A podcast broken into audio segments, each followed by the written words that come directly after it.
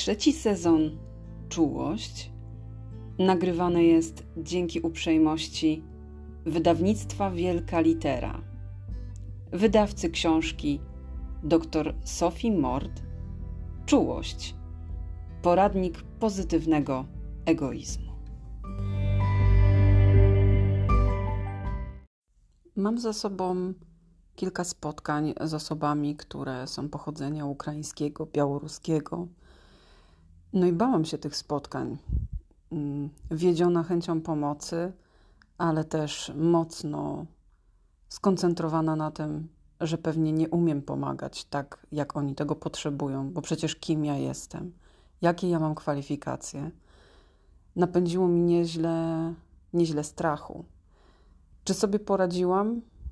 Pewnie trzeba byłoby spytać ich, ale w tym wszystkim, w tych spotkaniach, w tym, co słyszę też od ludzi, którzy pomagają, w tym, co doświadczam sama, jest pewien wspólny mianownik. Jaki?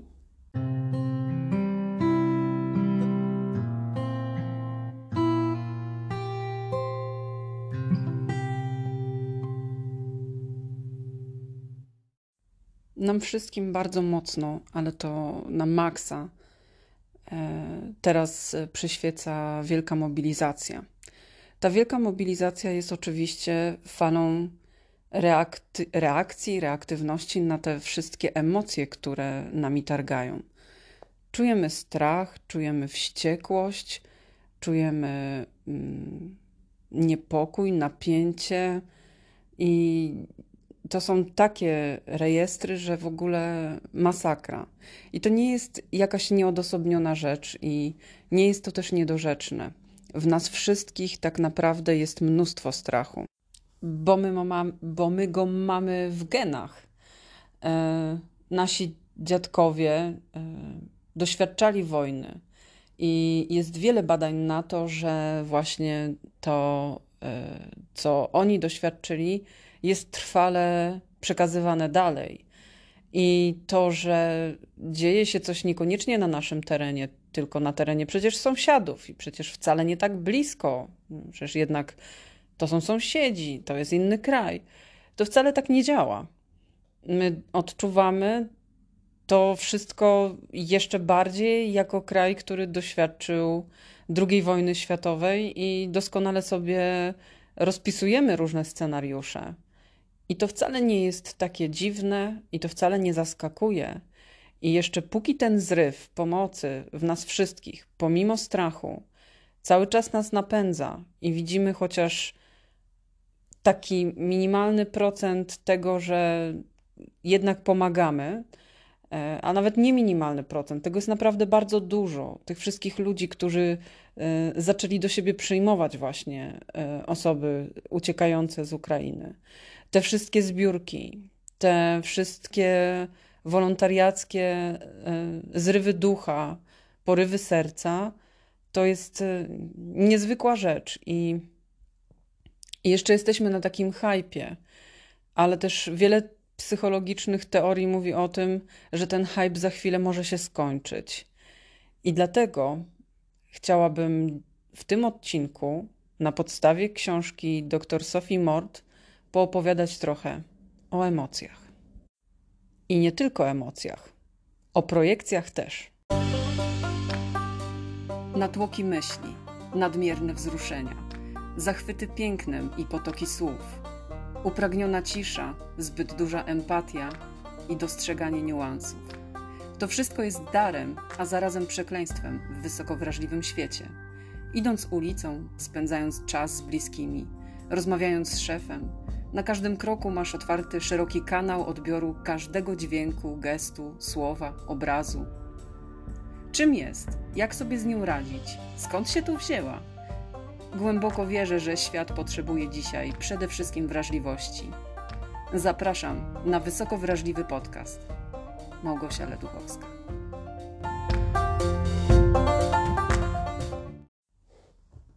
Ja już o emocjach nagrywałam odcinek, a nawet właściwie to w większości odcinków trochę o emoc- emocjonalności, emocjach, empatii i tym wszystkim gdzieś cały czas e, moja narracja się przewija.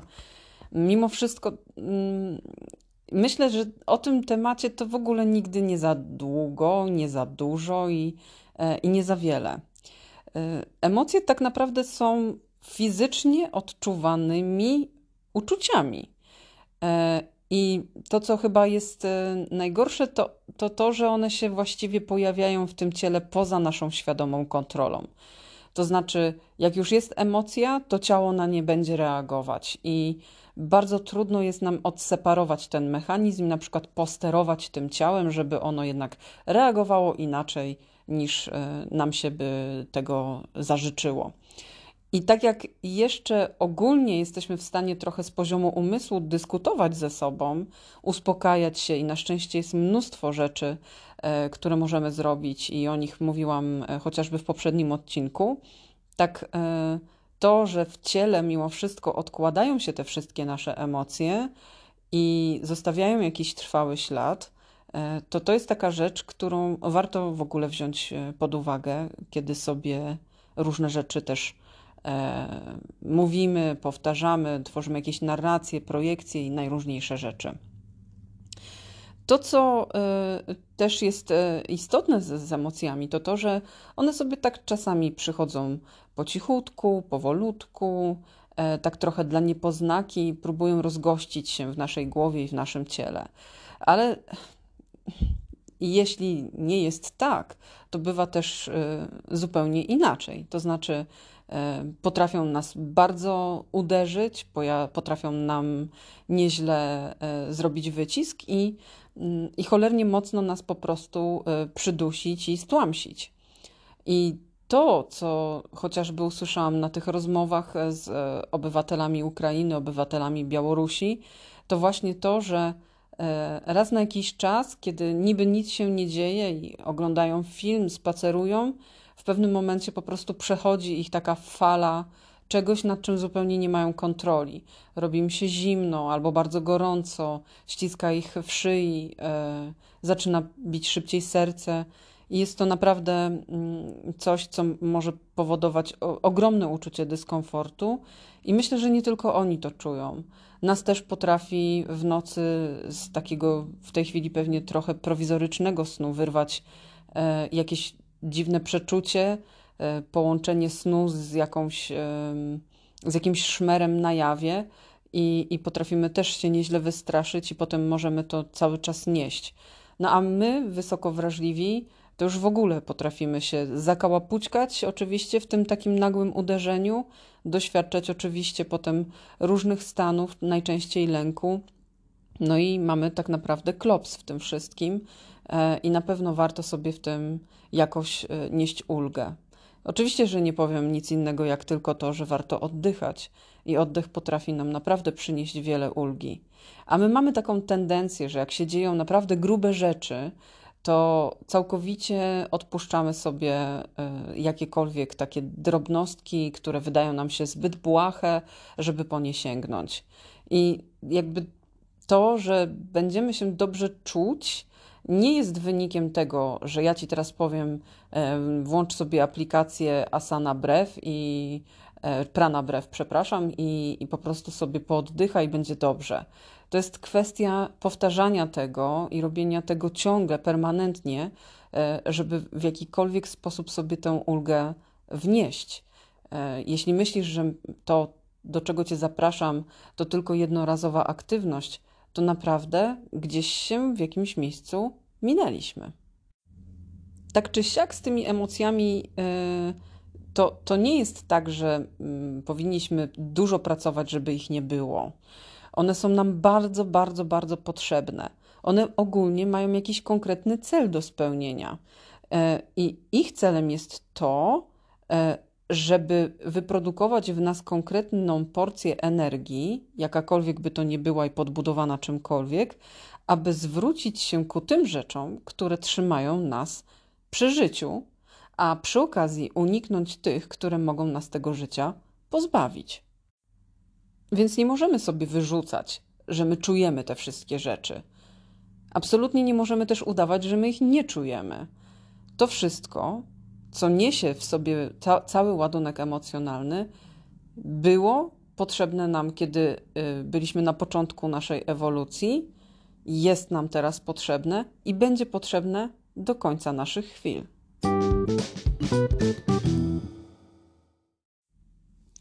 No, jesteśmy efektem milionów lat ewolucji, co by nie powiedzieć. I e, jedną z najważniejszych rzeczy, która spowodowała to właśnie, że my jesteśmy tu i teraz w takim kształcie i tak zewolucjonizowani, jak jesteśmy, no wynika z tego, że na początku w bardzo prymitywny sposób y, podążaliśmy za nagrodami i unikaliśmy niebezpieczeństwa.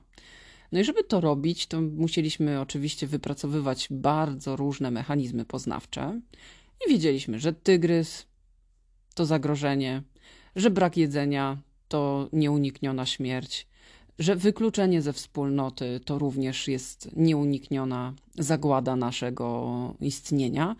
No i co by nie powiedzieć, jakby wszystko to powodowało, że my raczej próbowaliśmy działać prewencyjnie e, i próbować przynajmniej unikać tego typu rzeczy. Natomiast e, wszystko to, co związane z bezpieczeństwem, z ogromną ilością w miarę pożywienia, wszelkie kontakty społeczne i poczucie wspólnoty, a także seks, e, było tak naprawdę elementem nagradzania siebie i motywatorem głównym do tego, żeby, żeby działać. Myśmy w sumie na początku doświadczali wąskiego spektrum emocji. Niepokój chociażby, e, dzięki któremu wykształcała się cała e, masa naszych e, teraz pięknie rozwiniętych umiejętności martwienia się na temat tego, co może się stać. Czuliśmy też dużo gniewu, e, który nam dodawał e, energię, taki impuls do tego, żeby e, po prostu mm, wobec tego zagrożenia, które nas dotyka, jakoś się postawić i walczyć po prostu w obronie swoich zasobów, w obronie własnego życia, po to, żeby, no właśnie, przeżyć. No i czuliśmy też strach, który w sumie zapraszał nas do tego, żebyśmy bardzo szybciutko przybierali nogami wtedy, kiedy zagraża nam coś, czego nie jesteśmy w stanie pokonać gniewem. No i ta reakcja walcz, e, uciekaj, e, tak naprawdę stała się podwaliną pod wiele teorii psychologicznych, z którymi w tej chwili e, cały czas pracujemy i które są cały czas obecne. No a mm, też mam takie poczucie, że czasami zapomina się o tym, że oprócz walcz i uciekaj jest też reakcja, która nazywa się zastygnij. O tym pewnie jeszcze trochę będę opowiadać, bo to zupełnie inny rozdział e, w książce Czułość dr Sophie Mort. Natomiast warto sobie też uświadomić, że i taką reakcję emocjonalną możemy mieć i mamy ją bardzo pierwotnie zakorzenioną w naszym, e, w naszym ciele, w naszym umyśle. Natomiast samo to, że my te emocje odczuwaliśmy, to, to jeszcze tak naprawdę nie wszystko. Ogólnie y, nie siedzieliśmy cały czas w jaskini i nie zastanawialiśmy się, czy zabraknie nam jedzenia, ani też nie zastanawialiśmy się, czy właśnie pod tą jaskinię podejdzie tygrys i nas pożre, tylko zaczęliśmy kombinować jako ludzie. To jest zupełnie ludzką mm, naturą i do tej pory kombinujemy po to, żeby ciągle urastać i się rozwijać. Mm, przez to kombinowanie mm, i takie trochę naprowadzanie się na jeszcze inne potencjalne niebezpieczeństwa, które mogą na nas czyhać, wykształtował się w nas taki mechanizm trochę przewidywania. E, I zaczęliśmy rozkminiać, co się pojawi w przyszłości, jakie zagrożenia mogą nas czekać, chociaż też jakie nagrody co dało nam fajną podwalinę pod to, żeby kombinować, jak to się do kogoś przymilić, e, żeby chociaż właśnie zbudować wspólnotę, założyć rodzinę, e, doświadczyć trochę seksu i robić te rzeczy, które sprawiają nam przyjemność.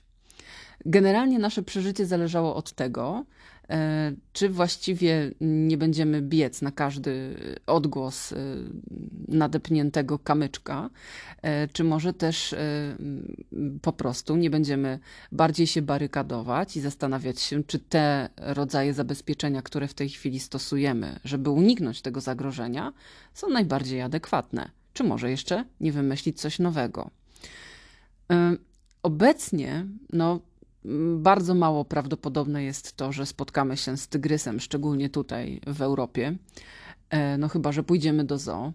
E, tym samym tak naprawdę nie musimy się w sumie martwić, chociaż obecna sytuacja, która jest, e, zaprasza nas trochę do takiego martwienia się, a nawet bardzo nas zaprasza, więc ulegamy wszyscy trochę mm, tym samym mechanizmom, które właśnie doświadczali nasi przodkowie.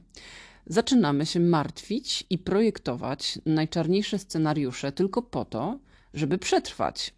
I to sięganie do tych pierwotnych instynktów e, to jest nic innego, jak właśnie działanie po to, żeby przewidzieć wszelkie możliwości, jakie tylko przed nami stoją i się na nie przygotować, aby nie doświadczać tego, co właśnie w tej chwili doświadczamy. Koktajlu emocji, który wcale nie jest przyjemny, który bombarduje nas kortyzolem i innymi związkami chemicznymi, które produkuje nam mózg, no i nie daje nam normalnie funkcjonować. Badanie emocji jest naprawdę e, fascynujące. I jedną z rzeczy, którą znalazłam w książce, którą chcę się z Tobą podzielić, jest teoria konstruowania emocji. I to trochę ma coś wspólnego z tym przewidywaniem, z tym martwieniem się i ciągłym byciem w takim napięciu po to, żeby odpowiedzieć na jakieś potencjalne nadchodzące zagrożenia.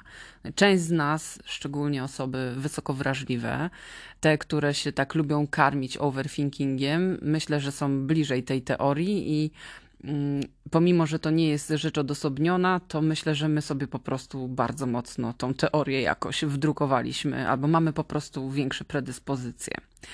O co chodzi z tą teorią konstruowania emocji? E, na ten temat e, e, dużo wkładu wniosła pani Lisa Feldman-Barrett, która mówi tak. Twój mózg nie reaguje w tej chwili na otaczający świat. Nie reagujesz teraz na te słowa ani na środowisko, w którym się znajdujesz. Mózg jest od ciebie o krok do przodu, przewidując, co się za moment stanie jakie słowa za chwilę Gośka do ciebie powie, jakie zdarzenia będą za chwilę miały miejsce wokół ciebie. On jest w permanentnej czujności, bo tak jest skonstruowany, żeby chronić ciebie przed każdym zagrożeniem, które może na ciebie czyhać. I teraz, jeśli nie ujarzmiamy tego dziada, mówiąc mu: jest dobrze, jest spokojnie, nic ci nie zagraża, masz dach nad głową, masz jedzenie, dookoła ciebie są wspierający ludzie, tylko jesteśmy gdzieś po drugiej stronie. Co to się zaraz wydarzy? Zaraz będzie wojna, zaraz się wydarzą jeszcze inne czarne scenariusze. Ceny będą jeszcze wyższe, mm, benzyna będzie po 10 zł, stopy procentowe kredytów hipotecznych wzrosną do niebotycznych rozmiarów. To jakby cały czas, faszerując się tym, przyzwyczajamy mózg do tego, żeby on ciągle i ciągle podpowiadał nam, jak czarne scenariusze będą się wydarzać. Jak działa to przewidywanie? No więc to przewidywanie działa w bardzo prosty sposób.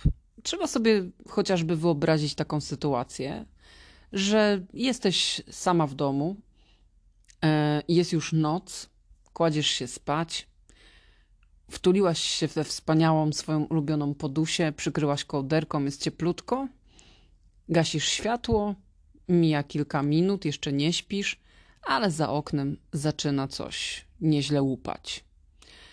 I co się wtedy dzieje? Tak naprawdę twój mózg zaczyna w wyniku takiej niespodziewanej sytuacji uprzedzać twoje świadome myśli. I on generalnie już zaczyna kminić, co tam się wydarzy za chwilę, co takiego yy, tak naprawdę na ciebie czyha.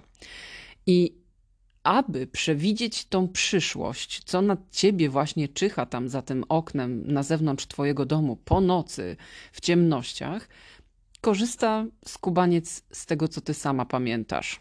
I to jest kurczę najlepsze.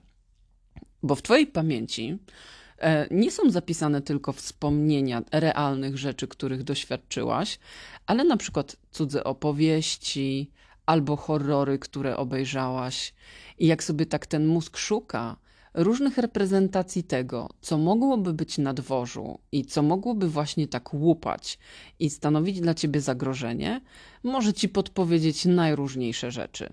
Nawet takiego włamywacza z kreskówki, który ma bluzkę w biało-czarne paski i taką maskę z dziurkami na oczach. Ale tak czy siak, jeżeli sobie do tego dotrze, ten mózg nasz kochany, no to sobie mówi, aha, spodziewałem się i spodziewam się wła włamywacza i właśnie, właściwie to za chwilę ten człowiek będzie u mnie w domu. W wyniku oczywiście tego, pomimo że to jest nieprawda i wcale nie mamy dowodów na to, że tak jest, i jeszcze tego włamywacza nie widzimy i nie wiemy, co tak hałasowało na tym naszym zewnętrzu wokół naszego domu, to tak czy siak, już w tym momencie cała fala e, kortyzolu i adrenaliny zalewa nasze ciało no i oczywiście dzieją się e, wszystkie reakcje, które e, trzymają nas w gotowości. No i mm, jak się pojawia ten włamywacz, no to jesteś już w gotowości, żeby w jakiś sposób zareagować. Może trzymasz w ręku telefon, żeby zadzwonić na policję, e, może masz w ręku jakiś przedmiot, który możesz ogłuszyć takiego intruza. No, ogólnie może się okazać, że to przewidywanie było słuszne, a ty jesteś gotowa, żeby się bronić. Ale jeśli tego włamywacza nie ma i na przykład był to lis, który się podkradł i właśnie twojemu psu z miski wyjadł jakieś rzeczy, albo grzebie w śmietniku, bo pachną mu śmieci, no to co? No to się okazuje, że doznajesz ulgi, ale zanim opadnie kortyzol i adrenalina, to z północy nie będziesz spać. No i po co ja ci o tym mówię? Po to, żeby ci powiedzieć, że w każdej sytuacji ten mózg rzeczywiście będzie nam e, w tej fazie gotowości ciągle coś podpowiadał.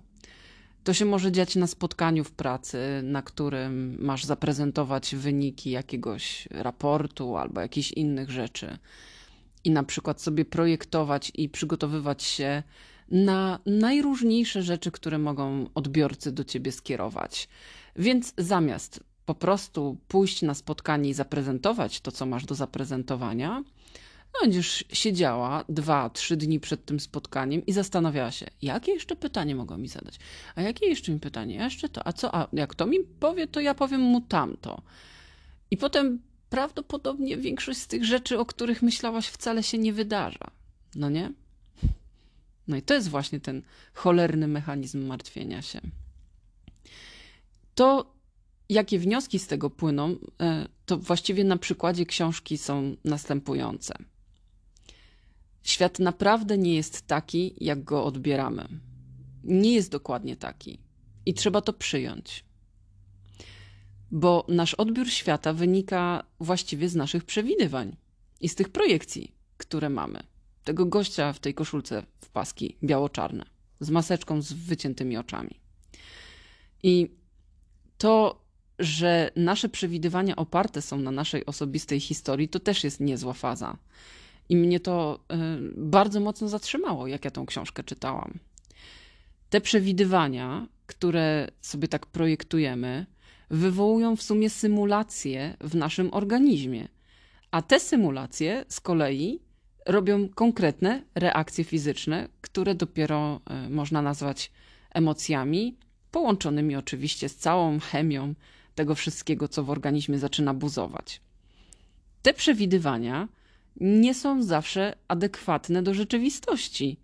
Czasami właściwie sprawiają, że wyolbrzymiamy różne sytuacje. I przyznam szczerze, że my wysoko wrażliwi jesteśmy naprawdę w tym mistrzami. Lubimy sobie tak powyolbrzymiać, co by nie powiedzieć. No a jak sobie już tak powyolbrzymiamy, to mózg zaczyna aktualizować te informacje, na podstawie których zaczyna znowu przewidywać kolejny raz przyszłość, no i się może ponakręcać. I możemy stać się totalnymi pesymistami. Co gorsza, iż o tym wspominałam też w poprzednim sezonie i w jeszcze poprzednim, że nie przewidujemy tylko tego, co może pójść źle w przyszłości, ale też uwielbiamy analizować wszystko to, co wydarzyło się w przeszłości i jakie to będzie miało dla nas konsekwencje. I jak już sobie wymyślimy te wszystkie konsekwencje, to znowu nasz mózg jest zapętlony w tych e, przewidywaniach i w tym byciu na ciągłej czujności. E, I właściwie przez to właśnie nie jesteśmy w ogóle w stanie przestać zadręczać się przeszłością, a to w tej chwili rzeczywiście dzieje się permanentnie. Dlaczego nie doceniałam bardziej to, czego y, mogłam doceniać i co mogłam doceniać do tej pory? Dlaczego nie mówiłam częściej komuś: Kocham cię, szanuję cię, cieszę się, że jesteś? Dlaczego komuś do tej pory tak dużo nie dziękowałam? Czemu nie doceniałam tego i tamtego? Jezu, i ile można tak naprawdę sobie do tej głowy jeszcze dobijać, to ja już naprawdę sama nie wiem.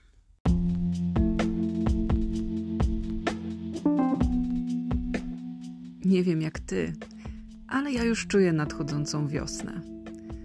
Trochę da się to wyczuć w powiewach cieplejszego wiatru i w dłuższym dniu.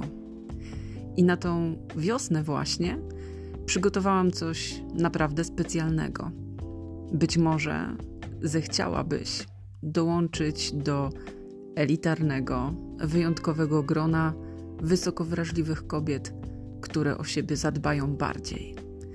Jeśli tak, to w moim bio na Instagramie znajduje się link do wyjątkowego, jedynego w Polsce kursu Sztuka obsługi wrażliwości. To naprawdę bardzo rozwijające przedsięwzięcie i program, który może Ci pomóc. Serdecznie zapraszam. No, oczywiście, że możesz sobie myśleć, ale Gośka, te moje przewidywania to generalnie rzecz biorąc często się sprawdzają. Ja mam zajebistą intuicję i ogólnie rzecz biorąc, gdyby nie to, że ja tak wszystko rozkminiam, to ja już bym była w czarnej dupie. No ja się zgadzam. E, ja też tak mam, że ta moja prewencja, którą uprawiam sobie tak przaśnie w mojej głowie, rzeczywiście zaprasza mnie do tego, żebym robiła tego więcej. To jest bardzo mocno związane z tą permanentną potrzebą kontroli wszystkiego, co nas e, otacza. I mimo wszystko, nawet jeżeli nam nasze przewidywania często mm, sprawiają e, dużo, może nie radości, ale takiej satysfakcji, że uprzedziliśmy pewne rzeczy, w związku z tym mogliśmy im zapobiec, to tak czy siak e, mamy taką tendencję jednak do wyolbrzymiania różnych rzeczy. I te przewidywania bardzo często są dość katastroficzne, pesymistyczne, podyktowane oczywiście naszym wewnętrznym krytykiem. I poniekąd e, wcale nie robią nam nic dobrego, no bo tak jak wcześniej powiedziałam, uczymy nasz mózg tego, że y, ten cholernik po prostu będzie coraz większych katastrof wyszukiwał, no bo skoro ma być w permanentnej aktywności na zagrożenia, no to, to będzie. Czemu by nie? Tylko pytanie, czy to wszystko nam służy. Ja mam taki aktywator, e, który mnie po prostu oblewa zimnym potem. Jak ktoś do mnie mówi, musimy porozmawiać. Jezu, ja nie wiem właściwie, gdzie jest początek tego e, złego, negatywnego reagowania na zdanie, musimy porozmawiać, ale kiedy słyszę od każdego, ktokolwiek by to nie był, e, musimy porozmawiać albo muszę ci coś powiedzieć, to mam wtedy od razu milion scenariuszy, co zrobiłam, e, a może, a może chodzi o to, ale naprawdę go to wściekło albo ją, Albo Jezus Maria, co ona mi musi powiedzieć ważnego? Co się wydarzyło? Czy to mnie jakoś dotknie? Jeżeli tak, to co to jest? I oczywiście seria przewidywań i czarnych scenariuszy jest po prostu no, mega intensywna. I niekiedy niesłusznie przewidujemy, że coś nam grozi, i wtedy doświadczamy po prostu niepokoju, albo gniewu, albo strachu, albo wstydu, e, a nawet też poczucia winy nawet jeżeli w pobliżu no, nie ma żadnego niebezpieczeństwa. I tu o to chodzi, żeby trochę ze sobą dyskutować i podważać to wszystko. W trakcie rozmów e, z tymi osobami pochodzenia białoruskiego e, widziałam, jak zakałapućkali się e, ci ludzie w to, że będą deportowani, że będą ściągani z powrotem do swoich krajów, że są za Ukrainą, a boją się, że będą musieli z Ukraińcami walczyć. I jakby no widać było, że po prostu są dokładnie w tym mechanizmie tego kreowania emocji i tego ciągłego przewidywania kolejnego niebezpieczeństwa, e, tylko po to, żeby być gotowym, żeby nic nam się nie stało. Warto mieć to po prostu na względzie, że jeśli się w takie rzeczy właśnie zapchaliśmy i zabrnęliśmy w nie, to one mogą być po prostu wynikiem tego, jak działa nasz układ nerwowy. A w książce e, Czułość znalazłam taką fajną, szybką radę. Jak sprawdzić, czy w swoich przewidywaniach wyolbrzymiamy za zagrożenie. I przeczytam ci ten fragment. Kiedy coś cię martwi albo wzbiera w tobie gniew, zrób to, co autorka Brené Brown. Zadaj sobie pytanie: jaką historię sobie teraz wyobrażam? Odpowiedź może wyglądać na przykład tak. Wyobrażam sobie teraz historię o tym, że wiadomość mailowa o treści musimy porozmawiać oznacza koniec mojej kariery, mojego związku lub tamta szalona noc na mieście i moje złe zachowania oznaczają koniec mojego życia towarzyskiego. Przypomnij sobie, że to przewidywanie przyszłości, a potem pomyśl, jakie masz dowody na poparcie tej obawy, a jakie na jej obalenie. Co wskazuje na to, że gdyby spełnił się najgorszy scenariusz, przeżyłbyś tę sytuację? Możesz nawet przeanalizować swoje historie z przyjaciółmi. Jakie fakty potwierdzają Twoje przypuszczenia, a jakie im przeczą? Stres i zamartwianie się sprawiają, że wszystko odbieramy inaczej. Kształtują nasze przewidywania. Przyjaciel, który nie jest, nie jest zestresowany, może skierować naszą uwagę na inne fakty. I o to w tej krótkiej części chyba chciałabym Cię najbardziej prosić, żebyś zrozumiała, że w dobie dzisiejszych czasów, w tym wszystkim, co nas dobiega, możesz dać się zapędzić w wyolbrzymianie przewidywań e, i tego, że zagrożenie może ci po prostu e, takie stukać do drzwi, że się z niego nie pozbierasz. To wszystko jest nieprawda. To tylko twój mózg.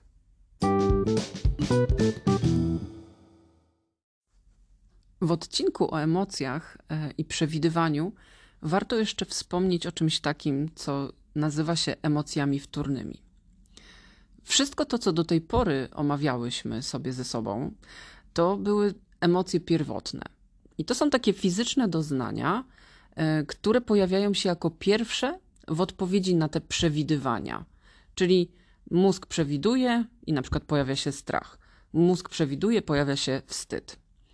Natomiast te emocje wtórne to nic innego jak reakcje emocjonalne na te właśnie pierwotne emocje. Czyli jak przewidywałam, że będzie zagrożenie i pojawił się strach, to na ten strach potem pojawiają się kolejne emocje wtórne. Nieźle to popieprzone, co? No ale dogrzebywanie się do tego, e, dlaczego ja się teraz tak czuję, to też może być bardzo ciekawa historia do przerobienia, a nawet lekcja. Bo bardzo często jest tak, że zauważamy właśnie w tej chwili, o, no nie wiem, czuję jakieś napięcie i za cholerę nie wiemy, z czego to wynika. Oczywiście, że dziś, teraz, w tej chwili, jak nagrywam ten odcinek, to wszyscy wiemy, czemu to napięcie czujemy. Ale bywa też tak, że w wyniku jakichś rzeczy, które za zadarzyły się dosłownie kilka dni wcześniej, teraz nasza cała głowa wyprodukowuje emocje wtórne w postaci na przykład smutku. I możemy odczuwać ten smutek zupełnie nie wiedząc dlaczego. I ten smutek może być po prostu reakcją na przykład na permanentne napięcie w pracy, nie wiem, ciągłe e, wypytywanie nas o to, do kiedy będziemy gotowi z czymś tam.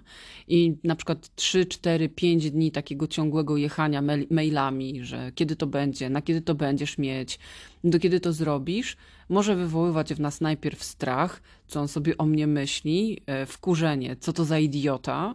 E, może być kupę różnych innych reakcji, one się pojawiają punktowo, ciach, a potem znikają Natomiast cała ta mm, walka, wojna kilku dni, które się po prostu wydarzyły z, z takim napięciem, mogą na przykład wywołać, wywołać w nas e, reakcję wtórną, emocję wtórną w postaci utrzymującego się potem przez dłuższy czas stanu mm, smutku i jakiegoś potwornego znużenia, apatii i poczucia braku sensu.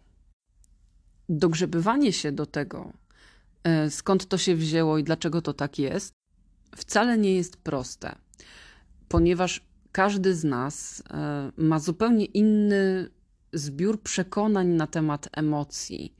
Niektórym z nas się wydaje, że można czuć tylko dwie rzeczy. E, niektórzy z nas e, w ogóle myślą, że są tylko jedne emocje właściwe na każdą sytuację. I innych absolutnie nie można już sobie załączać i reagować jakoś inaczej. Mm, dlatego tak trudno jest zrozumieć nam czasami, dlaczego czujemy to, co czujemy. I jak rozmawiam z dziewczynami wysoko wrażliwymi, to bardzo często jest tak, że przychodzą i mówią: Czuję cały czas to lub tamto, albo na przykład cały czas jestem wściekła.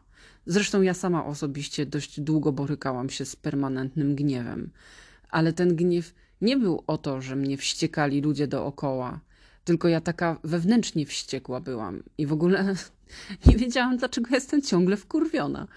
E, oczywiście jednym z powodów było to, że miałam źle dobraną dawkę hormonu tarczycy, ale to się wytnie. Natomiast drugą rzeczą było to, że jak gdzieś cały czas miałam przekraczane pewne granice, na które się jakoś tak ulegle zgadzałam, no i jak się na nie tak ciągle zgadzałam i zgadzałam, to pomimo spełnionego obowiązku i poczucia, że ja rzeczywiście dobrze robię, no to jakoś tak wewnętrznie, podświadomie reagowałam na to wkurwieniem. I to jest zupełnie normalne.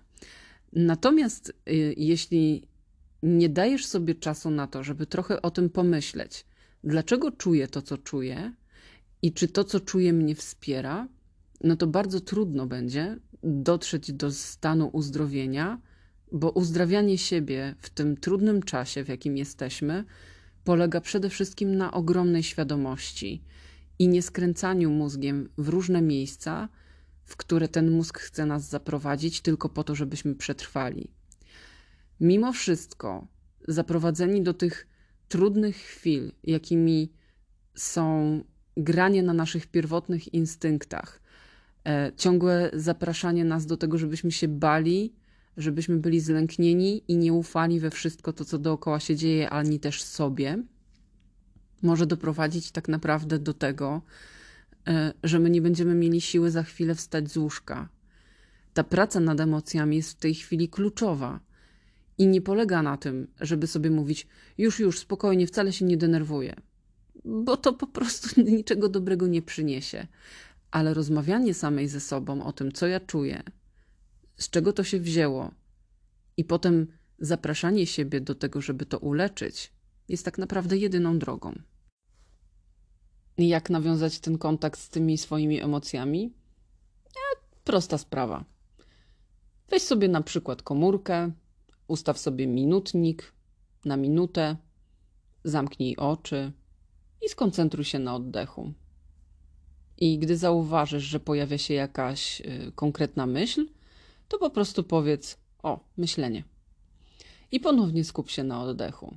Kiedy zauważysz jakieś odczucie fizyczne coś cię zaswędzi, gdzieś coś cię zakuje, gdzieś poczujesz jakiś dyskomfort, to po prostu powiedz sobie odczuwanie i znowu przenieś uwagę na oddech. I jeśli to będziesz robić, to w pewnym momencie odczujesz różnicę pomiędzy myślą a odczuciem. I takie nazywanie doznań bez oceniania e, mogą tak naprawdę bardzo, bardzo pomóc. Zauważanie myśli i odczuć bez ich oceniania może pomóc w nabieraniu dystansu do, do, do wszystkiego. I im więcej się to ćwiczy, tak naprawdę tym łatwiej jest obserwować te swoje wewnętrzne przeżycia i po prostu pozwalać im odejść. No ale jak ruszyć naprzód? No wystarczy zacząć regularnie ćwiczyć to nazywanie i oddzielanie. Tak naprawdę wystarczy w sumie 5 minut dziennie po minutce, pięć razy. Ja wiem teraz, jak to. Wy... Ja już słyszę, słyszę to narzekanie. Ale chodzi o to, żeby po prostu siebie do, siebie do czegoś po prostu trochę przymusić. I tak jak mówiłam wcześniej, e, nasz dobrostan nie zależy od tego, że y, zrobimy jedną rzecz raz i, i sprawa załatwiona.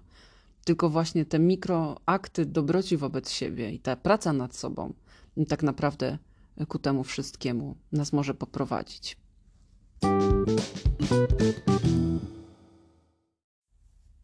A na koniec taki ciekawy fragment na temat chyba naszych ulubieńców, poczucia winy i wstydu.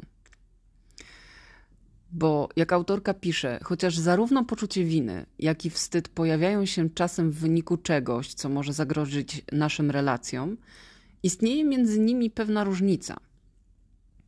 Wstydowi towarzyszy myśl: jestem zły, a poczuciu winy przekonanie: zrobiłem coś złego. Wstyd w sumie jest dużo mniej pożyteczny niż poczucie winy, bo wstyd sprawia, że patrzymy na świat jak małe dzieci, które nie rozumieją, że coś może być jednocześnie dobre i złe. I pod wpływem tego wstydu twierdzimy, że określa nas jeden moment naszego życia, a to przecież nie jest prawda. Wstyd może nas całkowicie sparaliżować. Taka noc, podczas której nieco się poniosło i mm, może powiedziało się trochę za dużo, ani nawet e, ten moment, gdy rzeczywiście sprawiłaś przykrość jakiemuś przyjacielowi, to cię w ogóle nie definiuje, bo przecież składasz się z milionów chwil i one tworzą misterny gobelin przedstawiający to, kim jesteś. Przypomnij sobie o tym, kiedy następnym razem poczujesz wstyd lub pomyślisz, jestem zła, i spójrz na ten moment, gdy coś poszło nie tak, lub konkretne działanie, które spowodowało, że poniosłaś porażkę, właśnie w następujący sposób. Tak, jakby to był tylko jeden moment. A potem zdecyduj, jak naprawisz swój błąd. Nie określa nas żadna pojedyncza chwila, a wszyscy ludzie popełniają błędy. Liczy się to, jak je naprawiamy. Małgosia Leduchowska, Wysoko Wrażliwy Podcast.